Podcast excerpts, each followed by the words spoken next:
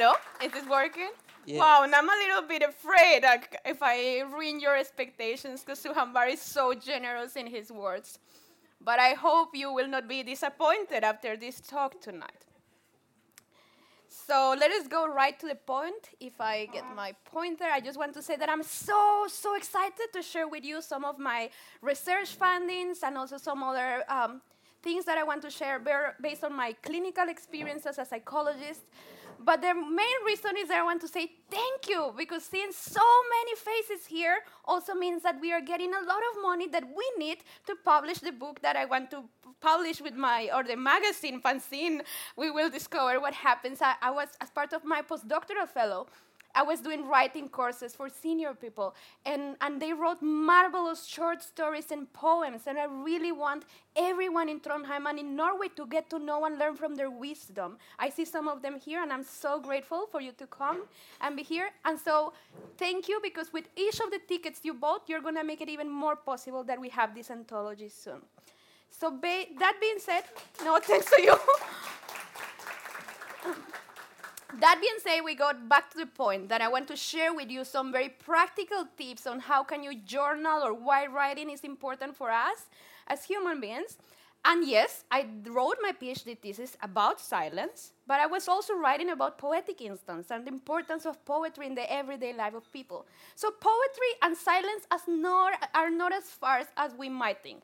I don't have a lot of time to dive deeper into the connections between silence and poetry, but I want to summarize some of my key PhD findings.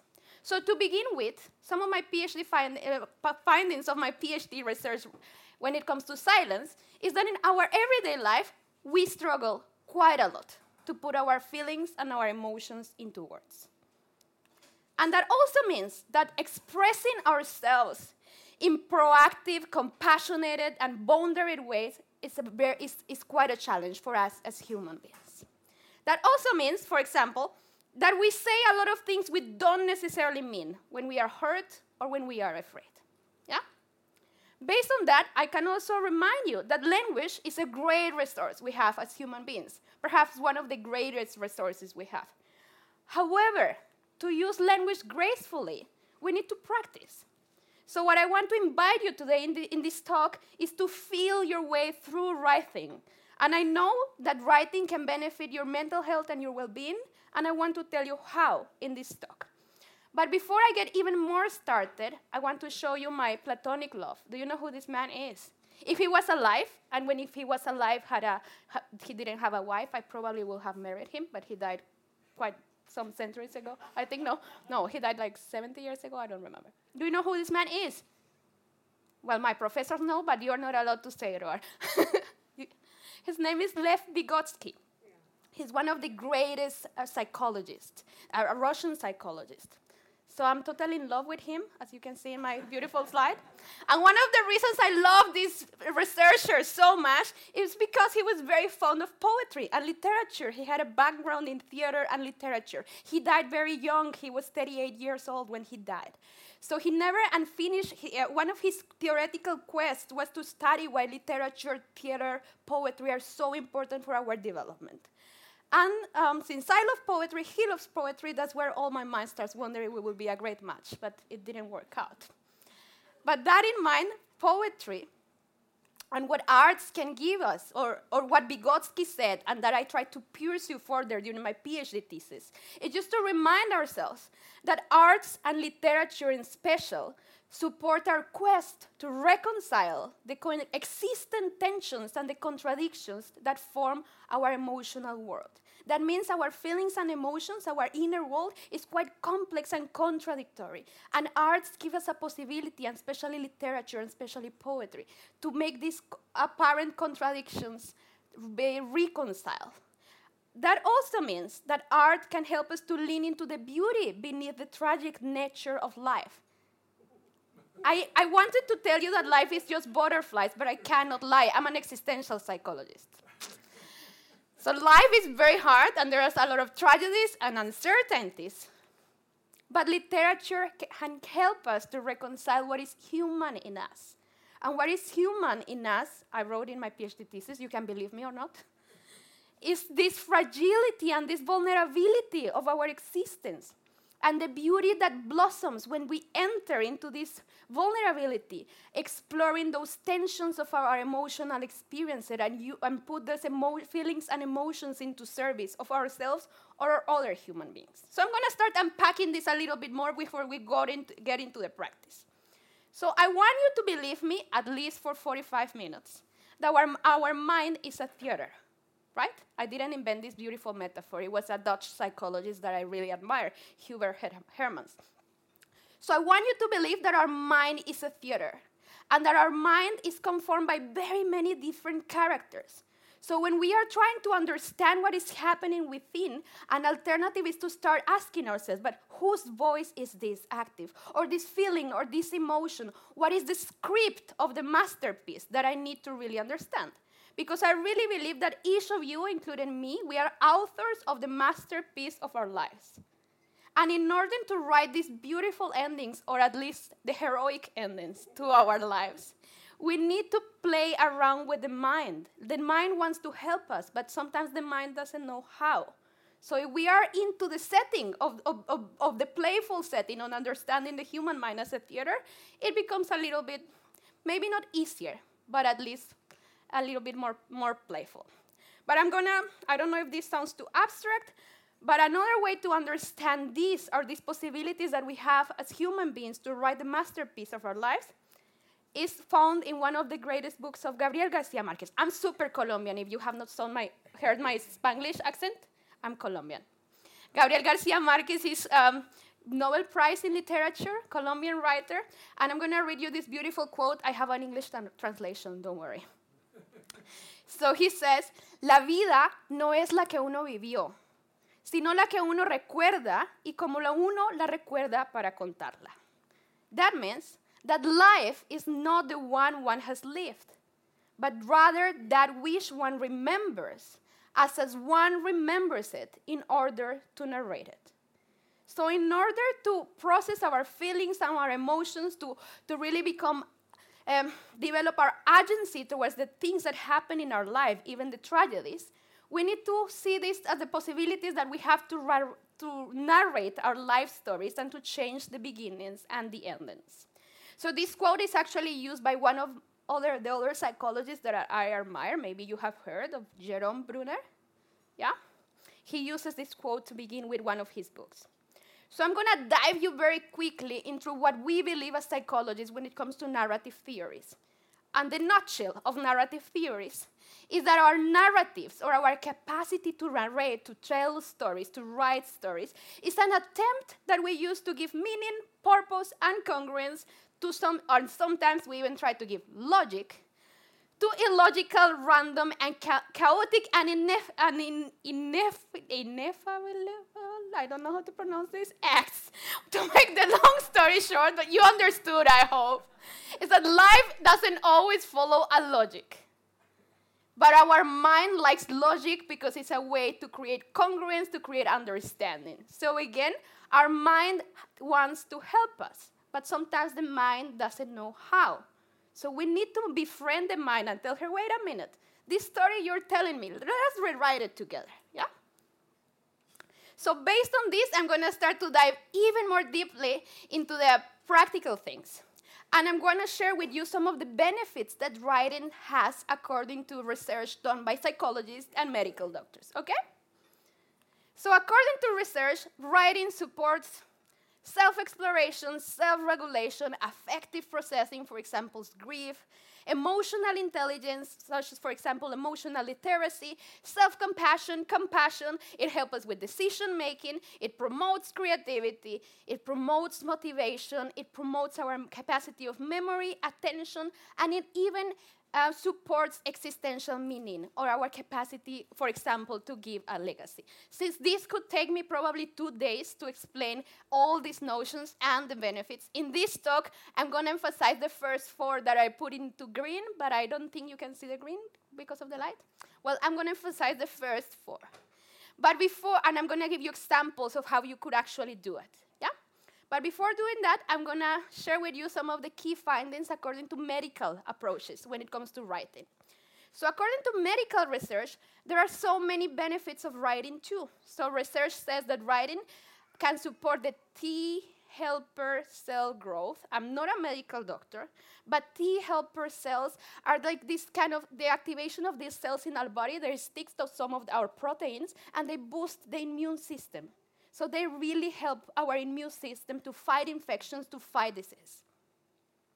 And, some, and, and, and it has even proven, this has been shown in cancer and many other medical conditions, but there's some research suggesting also the effects on the antibody response to Epstein-Barr virus. This is mononucleosis, is one of the typologies of this virus, or the kissing disease, I think they call it as well.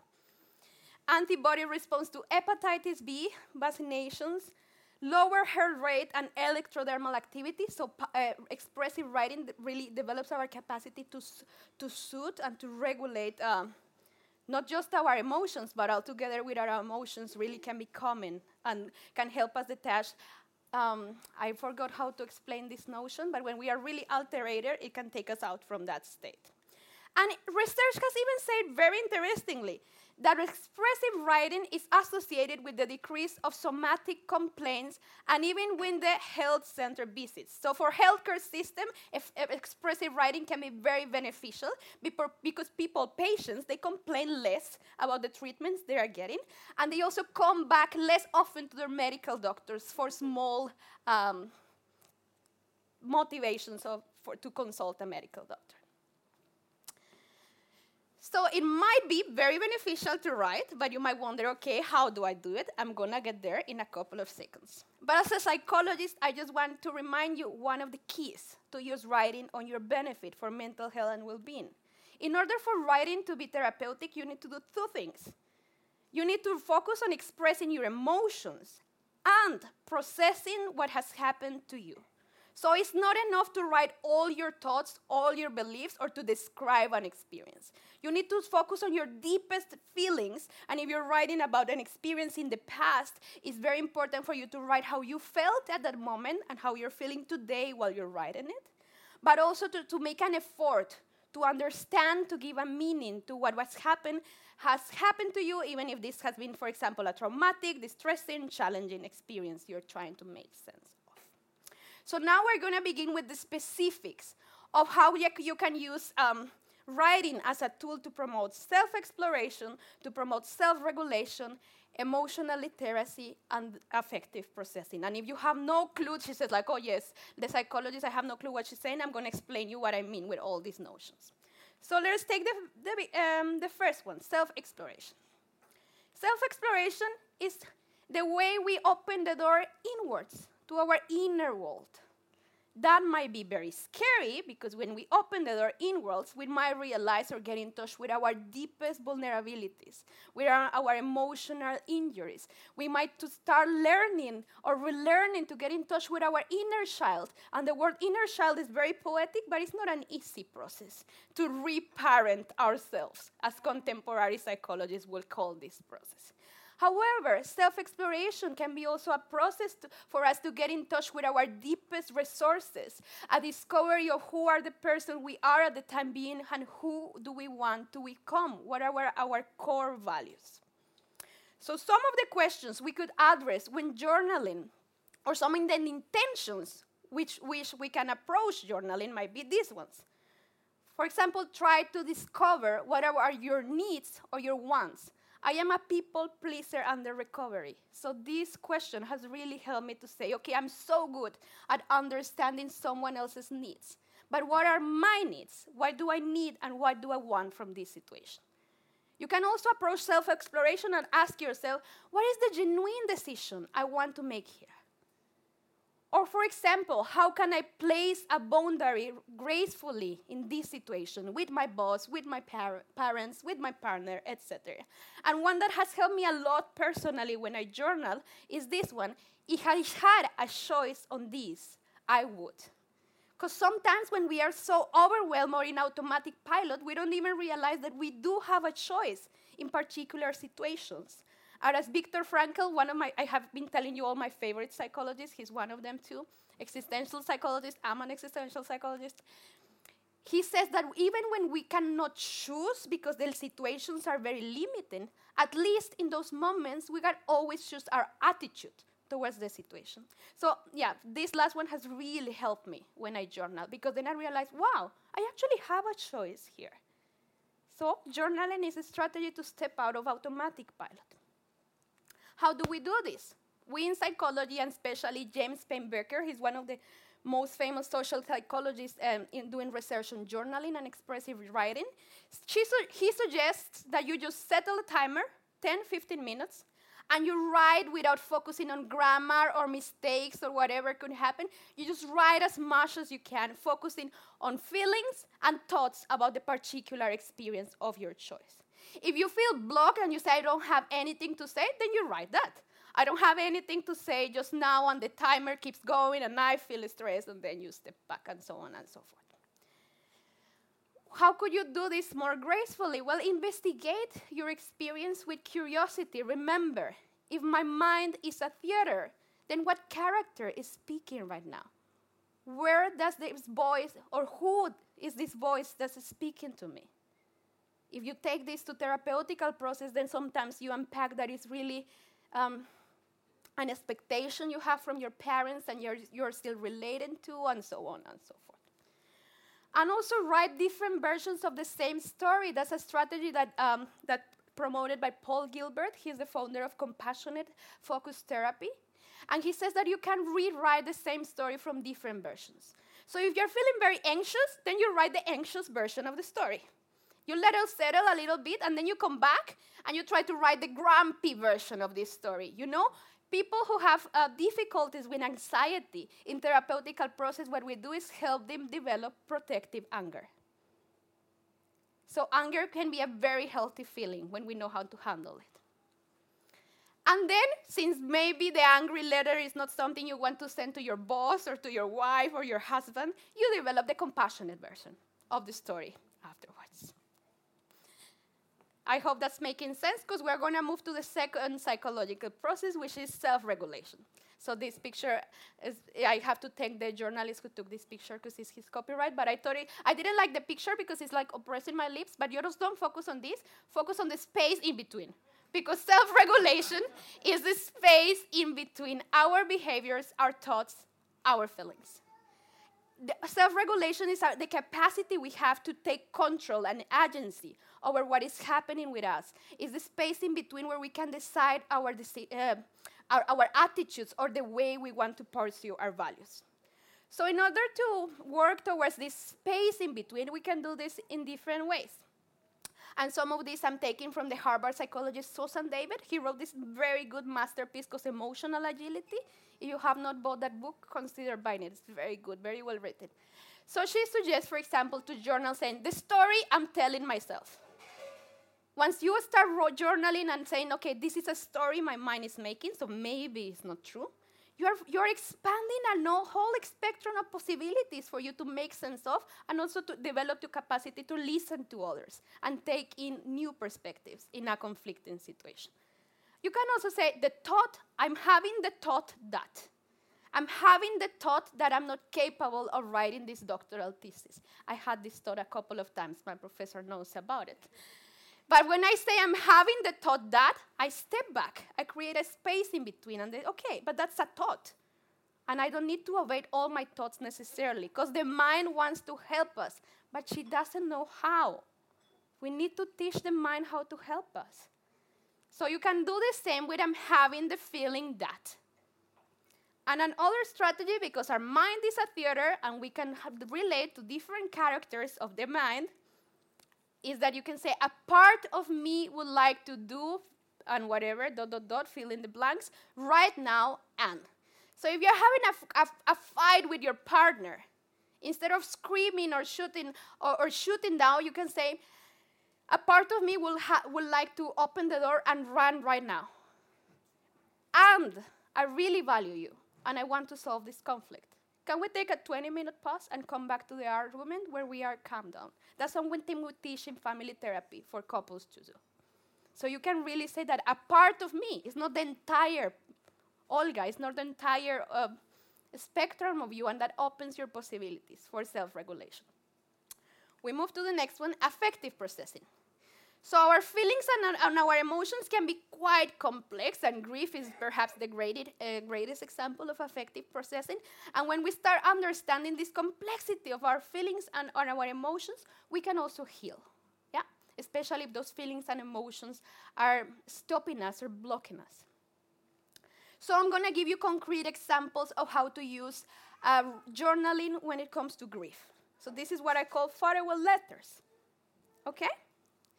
So this grief can be because someone died or because you had a fight with a friend and the friendship is being over, but it has helped. Um, it can help you a lot with breakups too.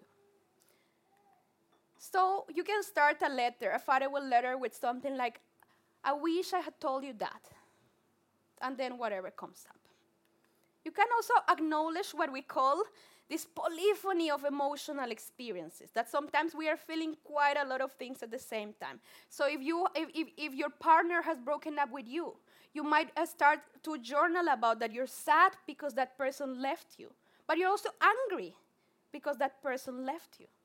So i'm sad because you leave me. I'm angry because you didn't choose me yeah? And that can help, really help you to elaborate all this or to um, reorganize this yarn of feelings and emotions that you get inside. That's um, some of the suggestions that we use. I don't know if you have heard of Leslie Greenberg, founder of Emotion Focused Therapy. Has been in Norway quite a lot of times. And another thing that helps you with grief is to start journaling with I'm grateful for, or what I learned from you is, or what I want to remember from our story is. And that also helps us shifting towards gratitude. I'm going to give you examples. I'm going to be very vulnerable and tell you a story of one of my breakups when it comes to this. But for that, you need to pay attention to me when I speak about emotional literacy. So, and now you start, so don't jump my slides. Let us focus on emotional literacy. So, emotional literacy is like this dictionary with many, many, many, many words that we could use to describe our experiences. However, since we don't get this dictionary at school, most of us are learn about feelings and emotions in terms of black and whites. I'm happy or I'm sad, or I'm stressed or I'm calm. And emotional literacy just gives us a whole repertoire or nu- of nuances that we can use to describe what we are feeling. In order to develop this skill of emotional literacy, we can start mapping our emotional world. And for that to happen, we can use different tools. But the first thing I can tell you also in, uh, re in relation to my research findings is recognize uncertainty. It's per perfectly fine when you're journaling to honor that it, it's okay not to know how you feel. Sometimes we are just too overwhelmed to really know if we are angry or sad or upset. And we use a lot of ambiguous notions to describe feelings and emotions. I am upset. When I learned this word in English, I said, like, what does this mean? Can someone tell me what upset means? It can relate to many emotions, doesn't it? Or I am overwhelmed. Or as one of my study participants wrote in, in, in my in, in the diaries they donated, my students donated for my PhD, I feel anxious today and I don't know why. So honor uncertainty because emotional processes take time to unfold honor this plurality or this polyphony I have been referring to as I give you an example. If the mind is a theater, then you can say a part of me is feeling really scared now, but the other part is really excited about this project.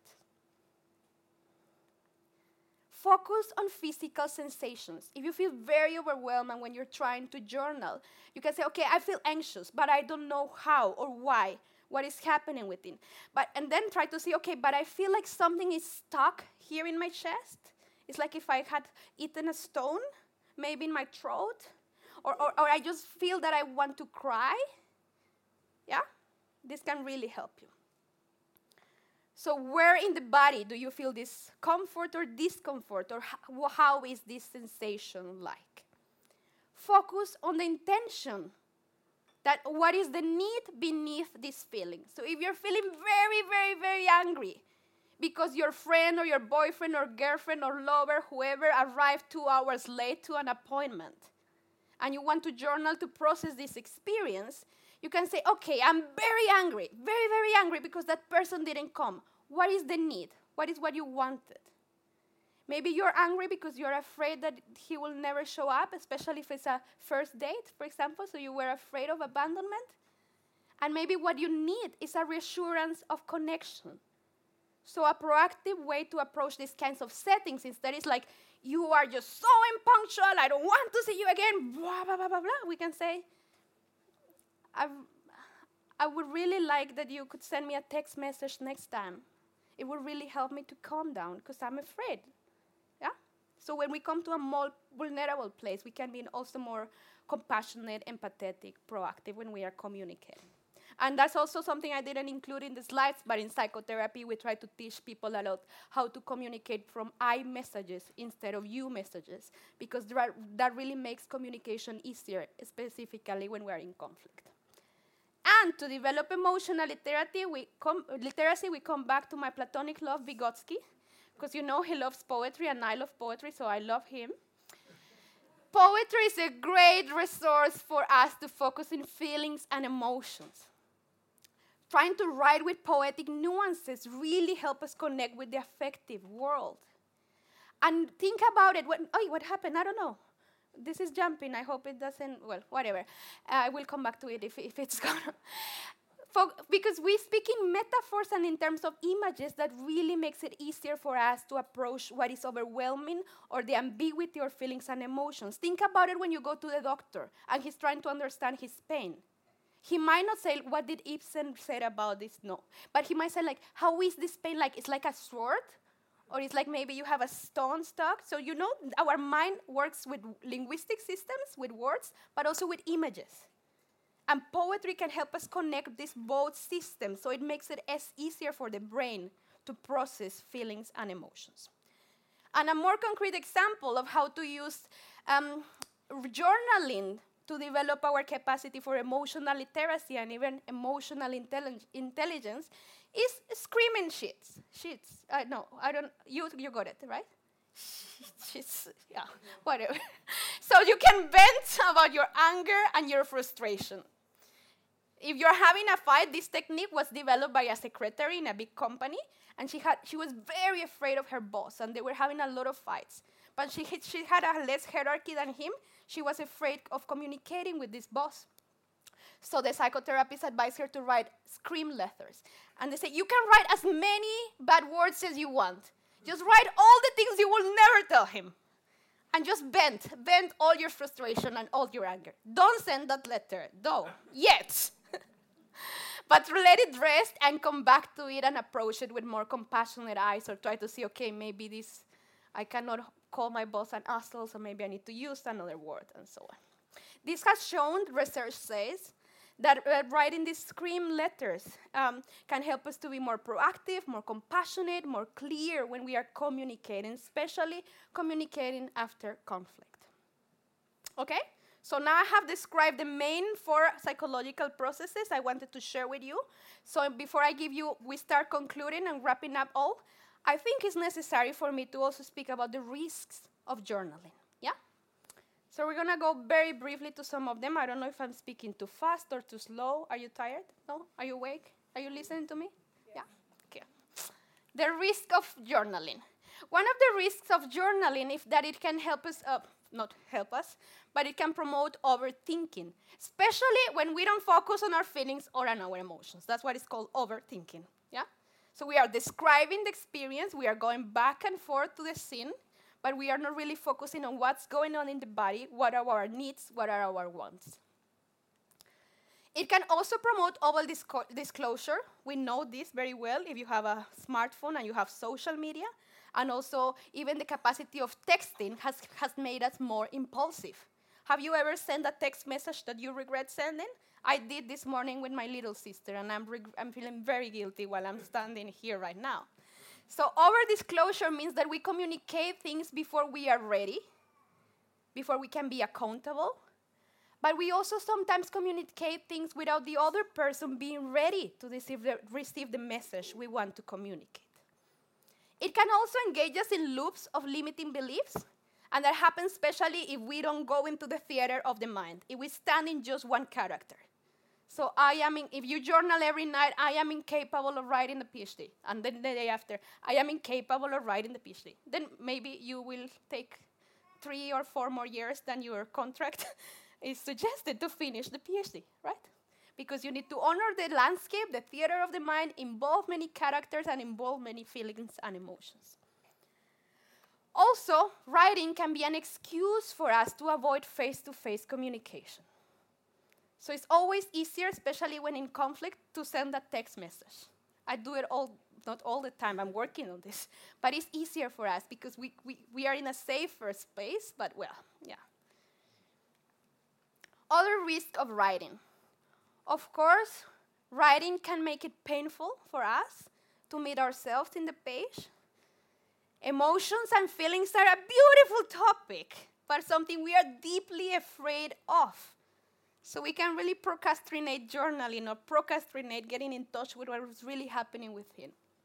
However, uh, research suggests that expressive writing can create in the short term more distress or anxiety, but on the long term, let's say better functioning of our immune system and, and more emotional intelligence, uh, intelligence compassion, etc. So the way out of anxiety might be anxiety. The way out of grief might be going through the, the grief. Yeah, feel it in order to heal it. Yeah? Another risk is, of course, this intimate dance between perfectionism and anxiety. I want to write the perfect letter. I want to write the perfect uh, essay. I want to write the perfect PhD thesis. That's a great excuse to never get started. Yeah? So it can be very discomforting then when we start with all these shoots or shootings.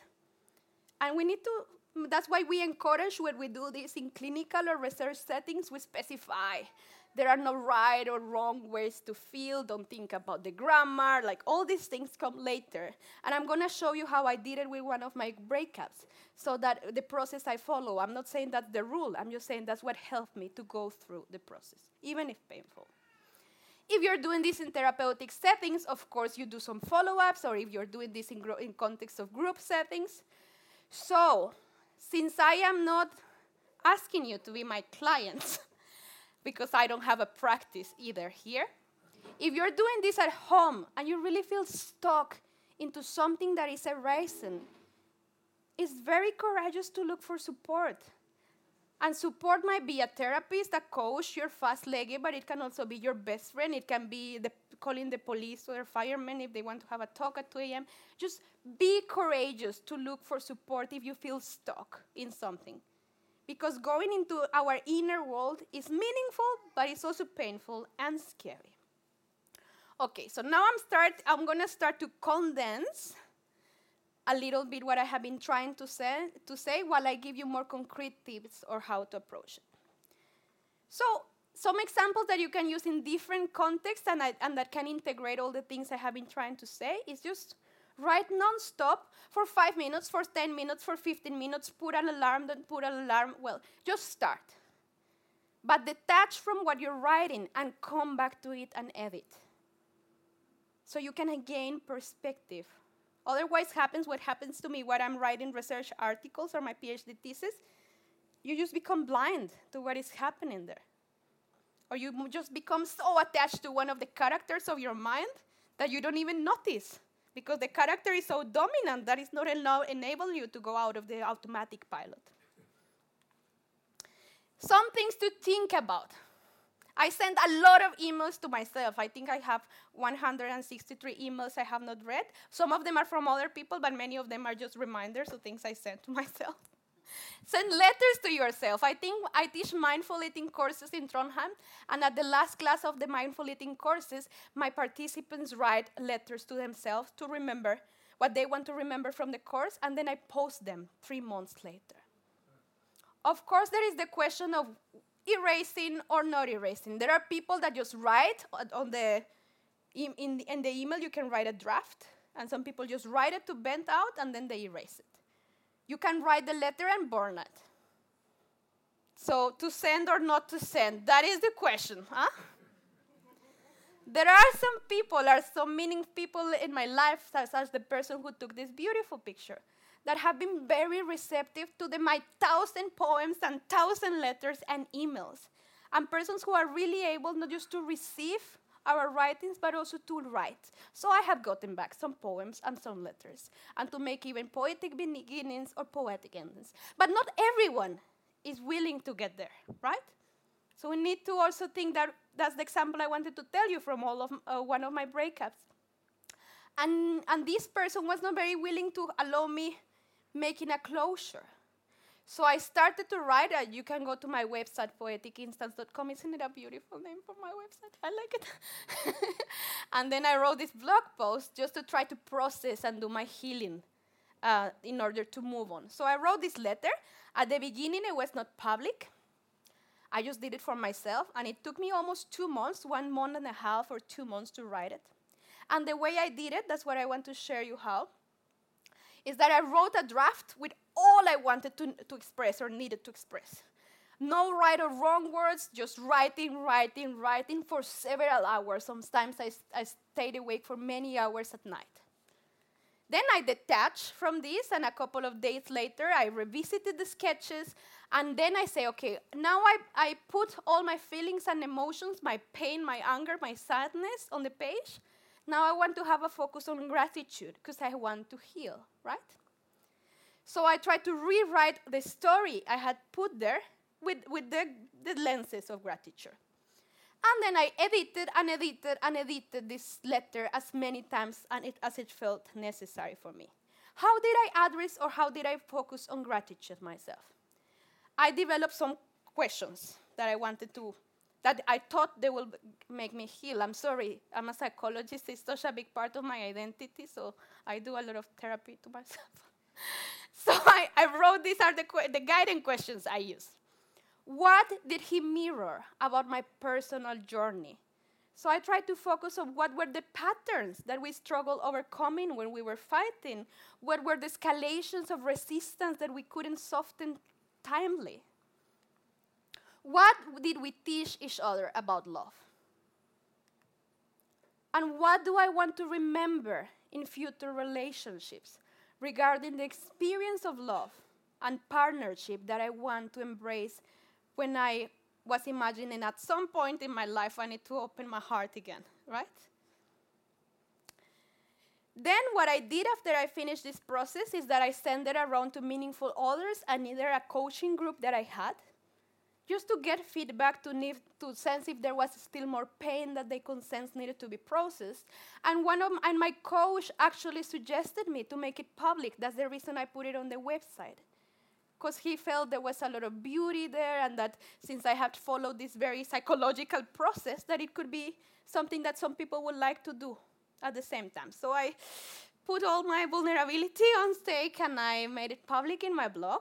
Later on, I eventually sent it to my ex-boyfriend and he read it. So I don't know what happened after he read it, but he said thank you at least. oh, yeah. Okay, and then what I did after I had finished this process is to read it, I'd reread it again, but then I detached from the content and I tried to focus on the aesthetics because I like poetry, so I tried to make the text more poetic. Good, so we are starting to conclude now. So to conclude, I just want to remind you of my key research findings on my PhD on silence. In our everyday life, we struggle a lot to put our feelings and our emotions into words. I am the only one? No, you're all human after all, huh? So that means also that expressing ourselves in proactive, compassionate, and boundaried ways is very challenging. That also means that sometimes we say things we don't really mean when we are hurt, when we are afraid. Yeah? This also means, as I told you at the beginning of my talk, that language is a great resource. But to use it faithfully, to use it gracefully, we need to practice. So I invite you to feel your way through writing, and now you know that it might benefit your mental and even your physical health, right? Takeaways. Please write, write, write about what you struggle, write about what you question in your life, write about what you honor, write about what you want to remember, write about what you want to transform. Because writing about the poetic nuances of life can help us reconciling, reconciling the tension between the tragic, the uncertain, and the beautiful nuances of, of our everyday lives. But also remember that for writing to be therapeutic, you need to focus both on the emotions involved and make an effort to give meaning to this experience, to make sense of what happened, okay? And if you really like writing, you really like my talk, and you say, okay, I want to give it a try, I'm gonna go and buy a journal tomorrow, but what can I do? I feel so afraid, I want to share my writings. You can do that because I have a community project. You can come to my poetry nights and you can follow us on Facebook, Poesikveld Poetry Nights Trondheim. We meet once a month in different venues of the city, and I open the microphone and we read poems, we tell stories, we sing, we dance, whatever person wants to do in the stage. And you can do, do, do this in whatever language you want to. We have been reading and performing in more than, more than 40 different languages. It's free entrance all the time. And you can read something you wrote. But if you feel shy, you can just go to listen because we need public after all. and you can also read if you maybe have a song or you have a poem that you have read from another author. It can be Shakespeare, it can be whoever, yeah? you, you can go and read it there too.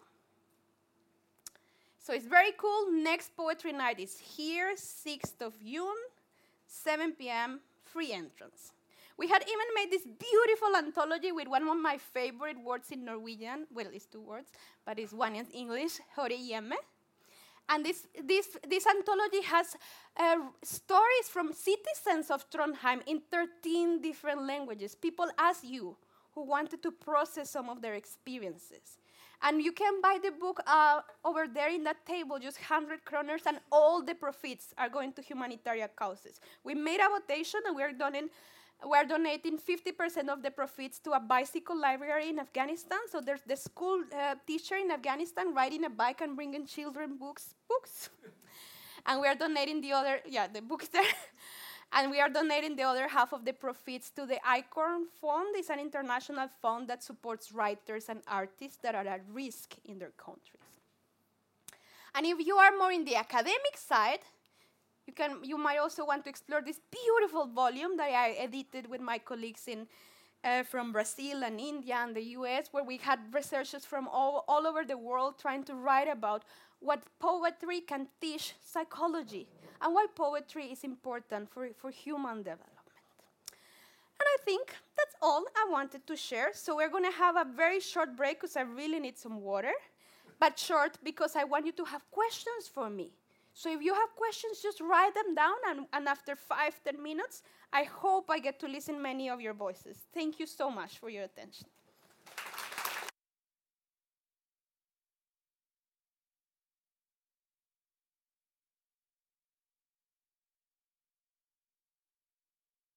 So maybe 10 minute break, take some water, drink some stuff, and come back, you know. Olga is here. More thing to explore and learn. Good. Welcome back again. You're here to take the question and make dialogue with you about how writing can help and support mental health and well-being. So now you should answer a bit. So maybe answer. Let us see. Okay. Who wants the mic? There is a hand. I'm coming. Yes, please. Um, thank you. That was amazing. Uh, I love your talk, and uh, well, I come from Spain, so more Spanglish. Sorry, and. Uh, I have uh, I love writing and I have attended some courses in the School of Writers in Madrid and they have this amazing course that is called Writing and Gestalt or Gestalt I don't know how it's pronounced and it's really similar to uh, what you talk about is about um, disclosing emotions and unraveling some hidden emotions that uh, we have uh, them stuck in the chest, for example. Um, they use a lot of techniques. They use uh, that that one that you called uh, scream sheets. They call them uh, escritura de descarga, and like discharge uh, writing. And they, uh, what do you think about uh, instead of journaling using uh, writing fiction? Because um, in, in, that course we sometimes use fiction as a way to create distance between between ourselves and the emotions that, that we want to work on. So, for example, there's there's this new trend about people who are trying to develop their emotional progress through, for example, fantasy and science fiction, because it's far easier to um, talk about your deeper anxieties if it isn't happening to you, but to this uh, space warrior in a spaceship, you know. So uh, yeah, my question is, uh, what what do you think about using fiction? Like uh, as you said, uh, our mind is like a theater, so maybe fiction could be a good way also to to create this distance. To Thank you. What's your name? Juan Carlos. Juan Carlos, muchas gracias. Thank you. Thank you for your sharing and also for your question. Well, I am I am unsure if writing fiction or journaling is is easier or not. This is a hard uh, as, yeah, I don't want to generalize.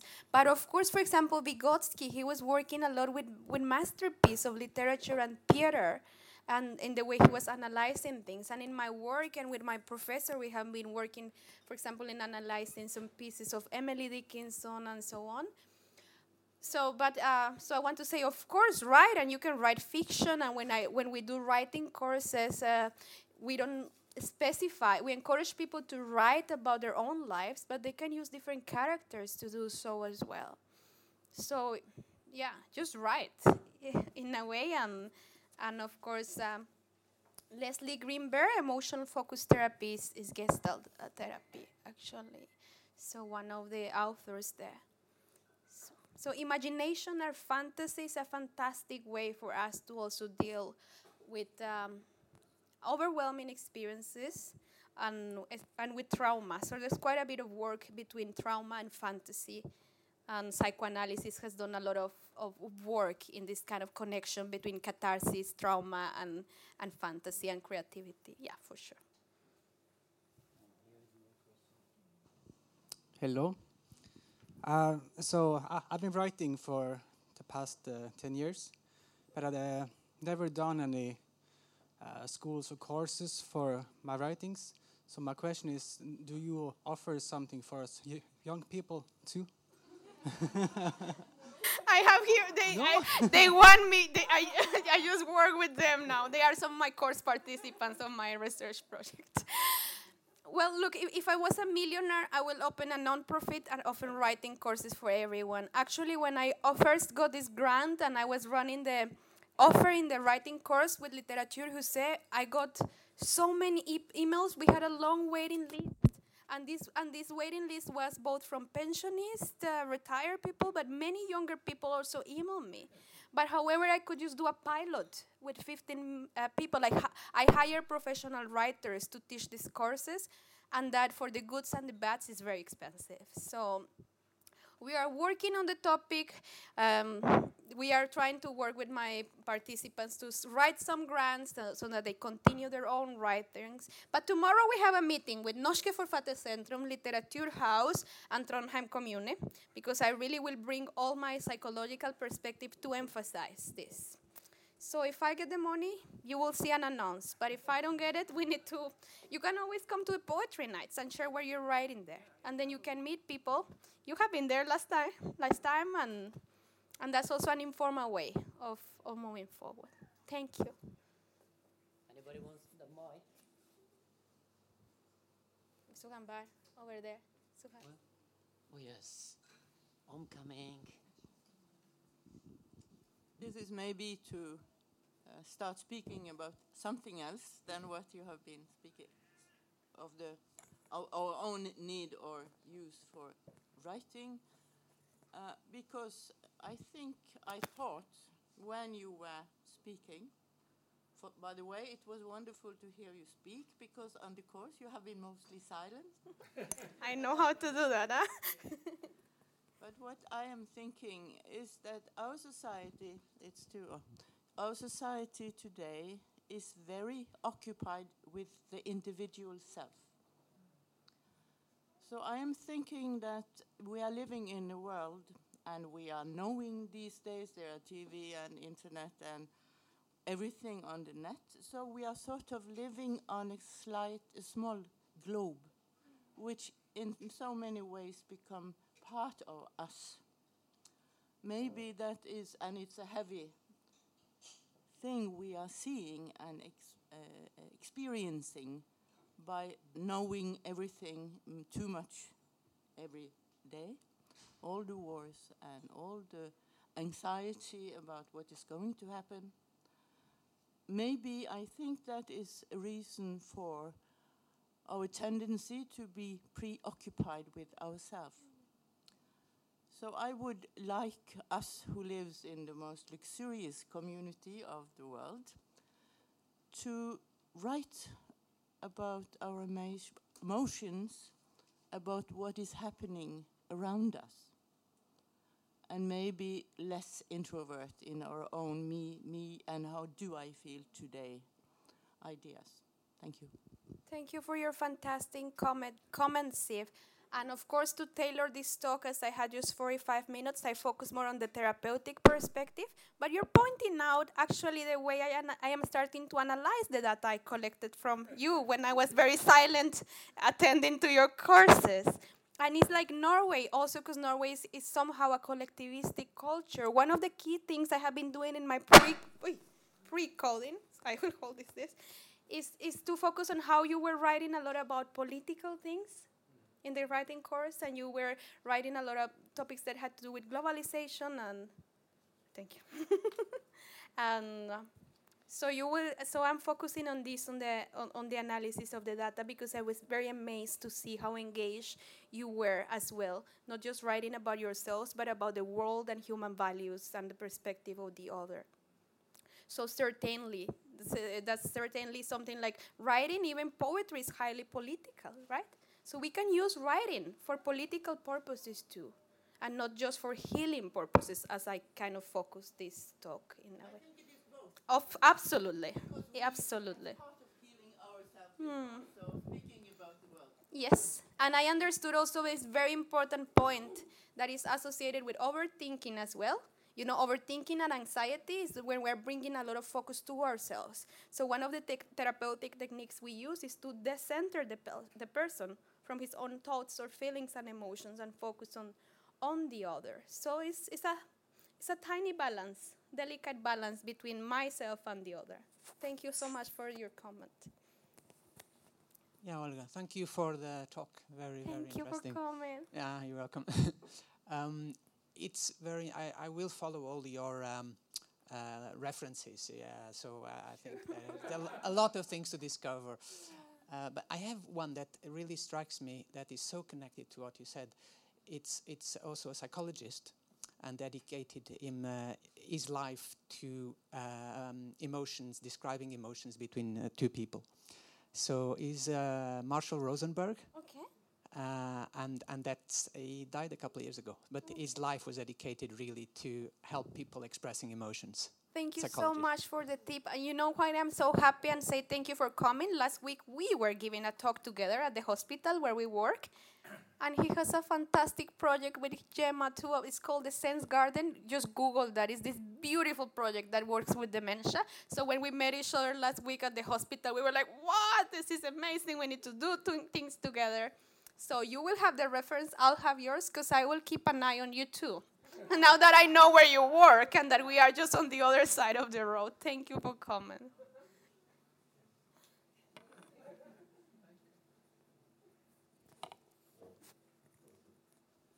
Yes, uh, I'm a retired psychiatrist with a first name Odd, uh, very suiting.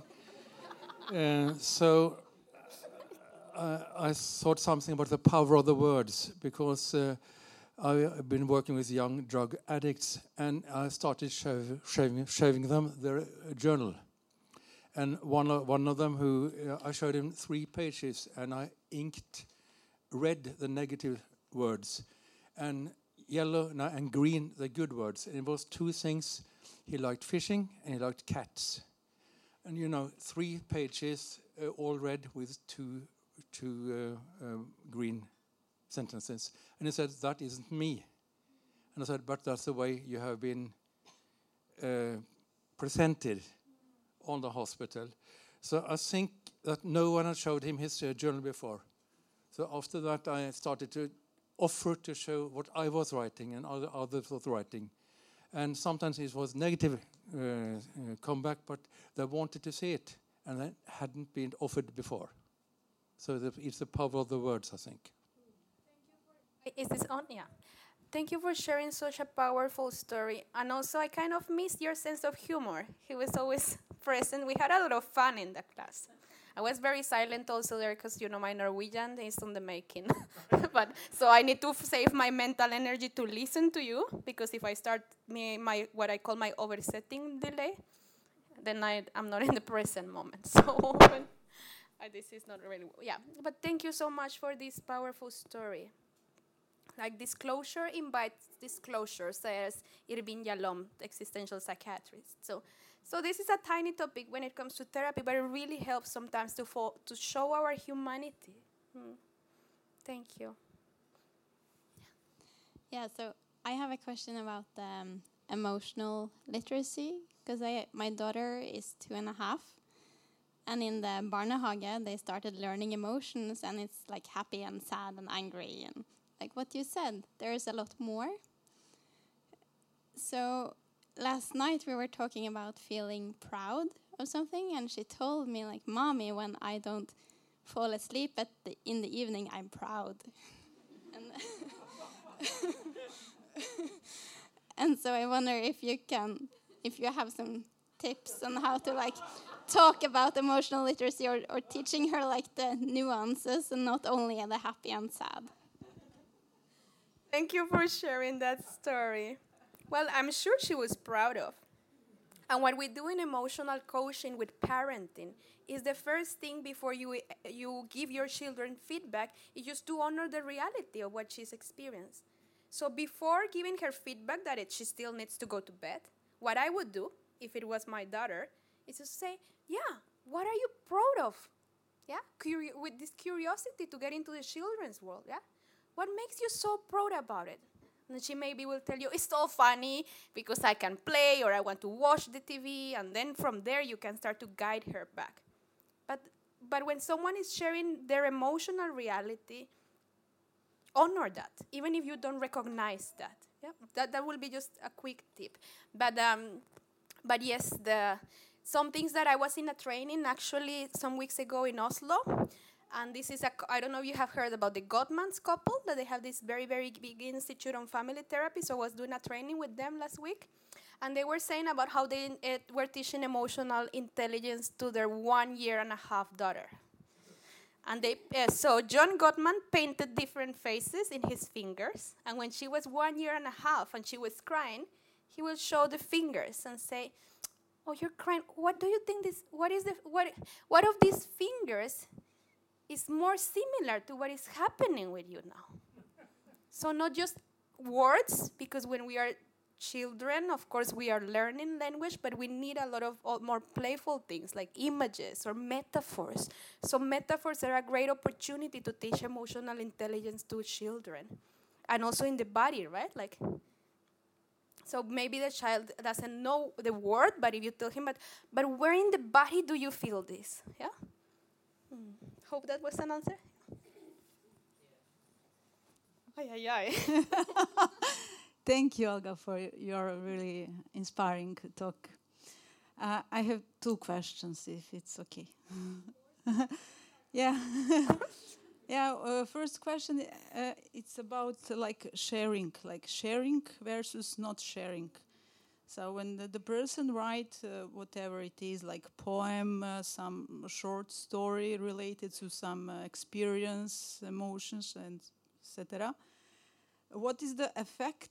Like, if the person share it, it can be like friends or public uh, on the um, social network or whatever, and when it stay in uh, in notebook forever, like, is it bigger effect for this uh, um, kind of uh, therapy uh, and for these uh, inner feelings if you share it or and if you not share it if I understood correctly your question, I sense many different layers within it. So I will start with one of them first, right? And first, when you are asking yourself, share or not to share, what my therapist used to tell me, you know, being a psychologist, going to therapy is my key self care practice. And one of my therapists told me, what is your intention with sharing? Is it healing? Is it getting something back? Is it uh, creating, performing? So, what is your intention with sharing? What is the timing with sharing? As I spoke of over disclosure, when are we ready to share?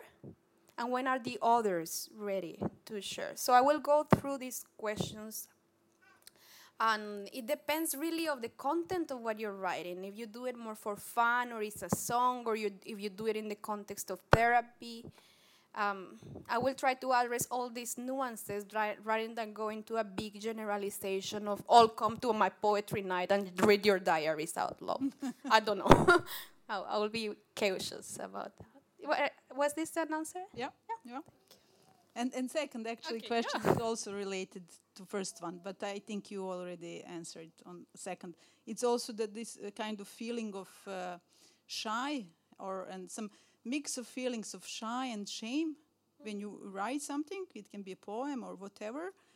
And uh, what do you think about that feeling? Shall, shall how those feelings should uh, lead you? Should you uh, should the person go through it? And if you feel this kind of shame and shy, is it the sign like okay that is some um, uh, signal that maybe you should um, go through it or or you're not uh, or, or, it's not the right moment you should uh, wait or how you can interpret well emotions are messengers right so so the, if there's an emotion arising in the stream of consciousness there's a message there so if there's shame like shyness, I'm not so sure if it's an emotion. Maybe if we relate it to fear or what is the, what are you shy about? But but if you're feeling shame, then don't feel more shame because you feel shame and you don't want to feel shame, right?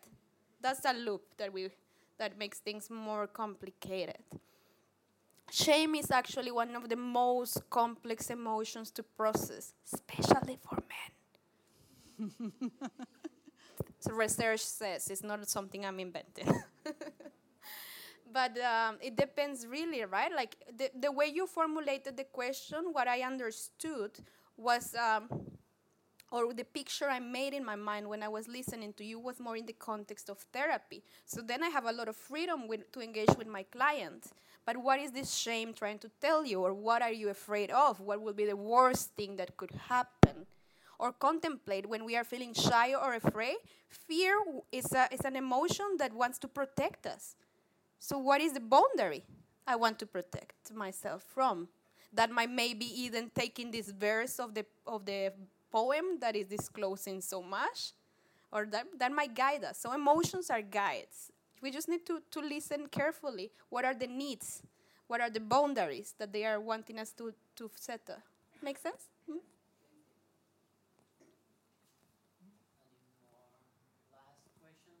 I see two questions here already. One. And one here.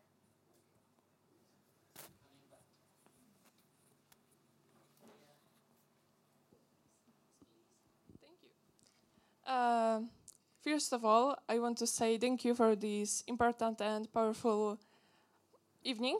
And I have two questions, but I will start with this easy one. yes. Uh, do your poetry evening have a åldersgräns? Nej. Okay. Alle är välkommen. Okay, thank you then. We and have uh, had people from 13 years old to 90 years old. We have had people from all possible nationalities, even dialects of Norwegian, even Gammelnorsk. We have listened, even that. Okay, and the second one, uh, because you said a lot of sharing your journal or something, don't you think that somebody can find it like you romanticize your emotions, like anxiety or depression? You know, like somebody finds it like, oh, so she's sad and it's nice and I want to be like her and be sad too. You know what I mean? Or I am trying to understand what you say, but um, I just got stuck when you say anxiety and depression because those are not emotions. Yeah? No, I mean, all so these sadness would be an emotion, like anxiety, depression are more complicated nuances of many different things. But I understand your question that maybe we can idealize some particular emotions. Am I getting you correctly? And that then people can be inspired to be more on the nostalgic side. Well, I don't know. You know, like we don't really know, and that's something to consider further. We don't really know what is the effect of what we are writing will have in others. That's the risk of every writer. You write your book, but you never know what people are gonna take out of it. Yeah. Um, so that's I think that's we have classic examples about this when it comes to Goethe and and so on and so forth. But yeah, it's like a knife. We can use it to cook. We can use it to kill.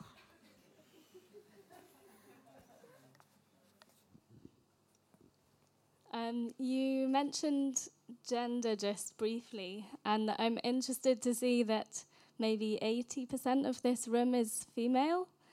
Is there um, is that because women are more interested in writing or in mental health, or just more willing to talk about feelings, or why do you think there are not more men in this room?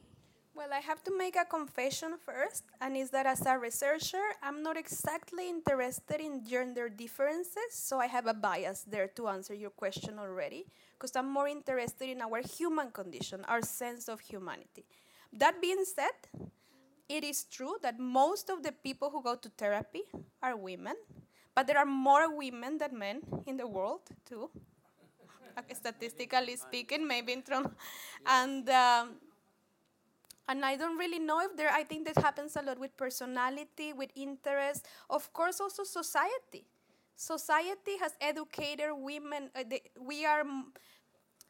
It's not to blame gender. It's to it's to blame the social, the social and cultural and historical guidance in the way we educate human beings. Yeah, because we men have been center is back of being taught not to feel because that's not masculine. So we are in, a, in globalization, and, and now we are really going on on these big societal uh, changes where we are paying more attention on educating emotions independently from gender. So that's the reason I'm a bit careful with these gender differences, because I'm a cultural psychologist and existential psychologist. So I see everything as a learning process.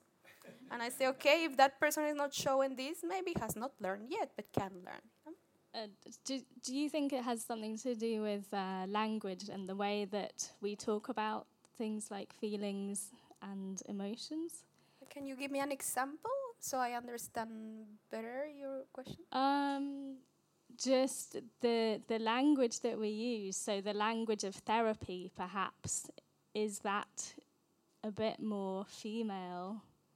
Um, I mean, I have an example, which is uh, I read an article in the Guardian recently about um, a men's therapy group in the north of England where they don't talk about feelings, and um, it was in a, I think it was in like a men's club or a gym, and no, it was very kind of anonymized, and it was about passing a ball round and saying short sentences and it was a very kind of different therapy environment to what we might expect. Okay, I have I have never heard about this setting. As I show you the love of my life, Vygotsky, and then I spoke about most of the psychologists and psychiatrists I mentioned are male Yeah. that are working on emotions. So I spoke about Vygotsky and Paul Gilbert and Leslie Greenberg and Viktor Frankl. I work in a company, an innovation company, and we are doing a project on empathetic leadership, and I'm working with the sweetest CEO I have ever met. So, so that's the reason I'm, I am biased to answer your question because maybe I have been lucky to meet emotional men. Well, not always, but I have also dealt with that in my breakups. but, uh, but I don't see it as a bias of language. I see it as a bias of education and the education happens at schools. We need more uh, teaching on emotional intelligence at school, but we cannot put all the responsibility of emotional literacy and emotional intelligence at school because the, the greatest school is home. So that's what I speak also about reparenting ourselves, right? To be greater parents. So that's how I see it, but I'm biased. Of course, it's my perspective.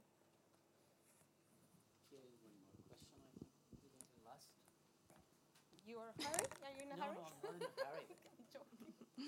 Thank you so much for your talk. Um, uh, I'm one of those who can, who deal a lot with my emotions and with other people's emotions. I have written my whole life diaries and a lot of stuff, and I, I kind of recognize all this theater and the different uh, perspectives on what I'm feeling and uh, finding the inner kind of reason for feeling these ways and stuff like that. And I kind of, can you do this too much? Is my question. and what do you do if you do it too much? Yeah, that's a great question. So I want to ask you if, if I can ask you a question, if you can give me an example. What do you mean by too much? Too much uh, performance, uh, too much writing, too much sensitivity? Yeah, too much, uh, too much thinking about emotions. Mm, mm. For instance, if you if you fight with someone, you think about, oh, now we're fighting, and then you think about, oh, I'm fighting a lot with this person. And then you think about, oh, that must be because something, something, something. And then you think, oh, now I'm thinking about, thinking about, thinking about fighting. And then you're kind of, yeah. woohoo! Thank you for your example because when you say thinking about, thinking about, thinking about, that's not an emotional process necessarily, isn't it? So, Ike-san? So I said one of the risks of journaling or writing is overthinking.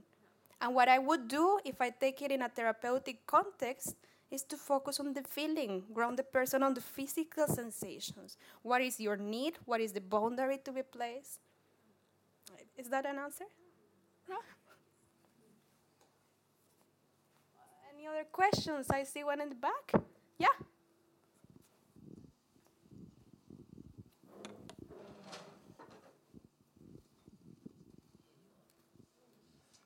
Hi, Olga.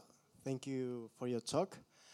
Um, by listening to you, I've discovered I've done by myself some of these steps. So I've done part of the homework, and I, I have in a notebook several versions of a letter that I wrote with different tones, as you kind of suggested. Um, I'm wondering, I, I was facing the dilemma of send or not to send. Then I decided that I wanted to send it. I don't know if you went through this process, where you say, okay, I didn't write it to someone, I wrote it to myself. And then you say, no, no, you're a coward. You just write it to someone, so now send it. But which one you send? Because, because all of them were right at some point, right? So which one should I send? How do I, how I make the final version together? Well, to be or not to be, that's the question. Shakespeare couldn't answer. How could I, huh? Like to send or not to send. I just honor the dilemma. You know, every decision has a price. That's what an existential psychologist will say. And an existential psychologist, what I told you also to deal with uncertainty, right? So we are risking for each decision we make. But what I would do in the context of therapy is, as, again, as I said before, what's your intention? What's your fear? What's the worst thing that could happen? And as my coach told me, and the reason I decided to publish this letter in my blog is like he said, I sense that so many people would benefit or would learn or could get this as an exemplar to deal with their own breakups. So your suffering has a meaning. That's Viktor Frankl too. That's what an existential therapist will say. Suffering is an opportunity to serve. If that's your intention, take the risk. Yeah? But question the mind we need the mind wants to help us but doesn't know exactly how. So a great way is to, to question the mind to, and to get into our feelings too. That's is this making sense? Okay. Is this all for tonight? Oh, that's your other question.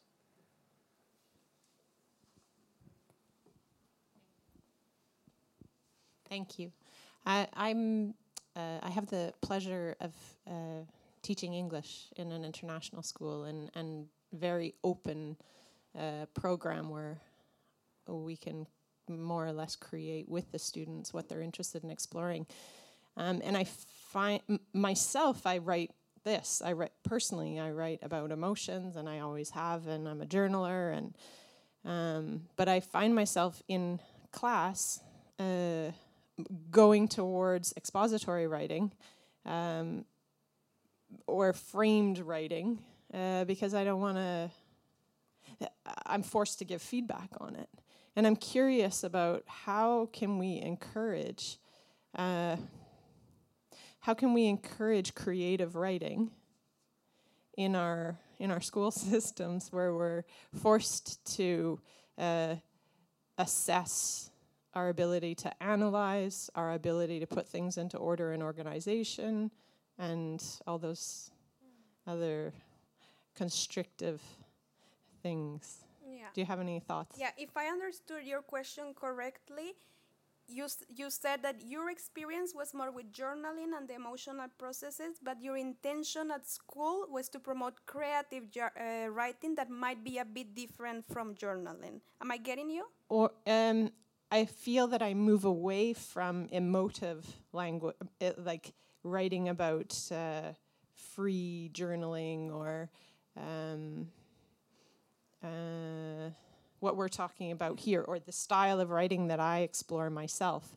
I don't necessarily explore it at school uh, because we're we have to assess, we have to show uh, progress, or that we're doing something, or um, yeah, so I'm just curious about ways to do that without how how can we get this into schools? I, I, I, honor. I honor your dilemma because it's very difficult because it's this willingness to sh- to teach, but at the same, this proc- this assessment is always assessment is always a difficult thing to address in many contexts. Um, what I would do is, um, I, or what I do when I teach at the university, for example, I have to go through the same process teaching people how to do research. Honor the process. Many educational systems can have, have result assessment. In Colombia, in my educational system, we were allowed as teachers to um, assess the process too. And that's something I'm working in this project of empathetic leadership too, also when it comes to incentives and organizations to, to in give incentives for the process or for the effort and not just for the result. Who are we to qualify what is great art or not, right? So honor the reality of that. And if, if someone is sharing your emotions and you think that's an awful poem, well, you can thank you for sharing. And that's effort too, right? Like, who are you? Maybe someone else will love this. That that's what happened with art, right? We have many different, uh, like a very big repertoire.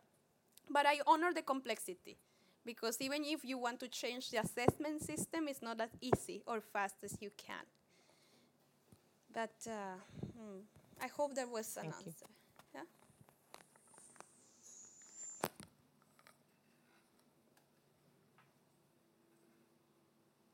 Any more questions?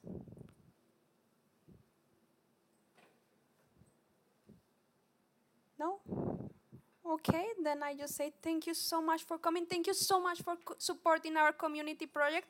I, ha- I can see that so many smiley face over there because with all your attendance here that give us make it easier for us to publish this beautiful anthology. So I really look forward that soon, very soon, you can learn from the wisdom of these stories. We'll make a big premiere when this happens, so I hope you come too. Thank you so much.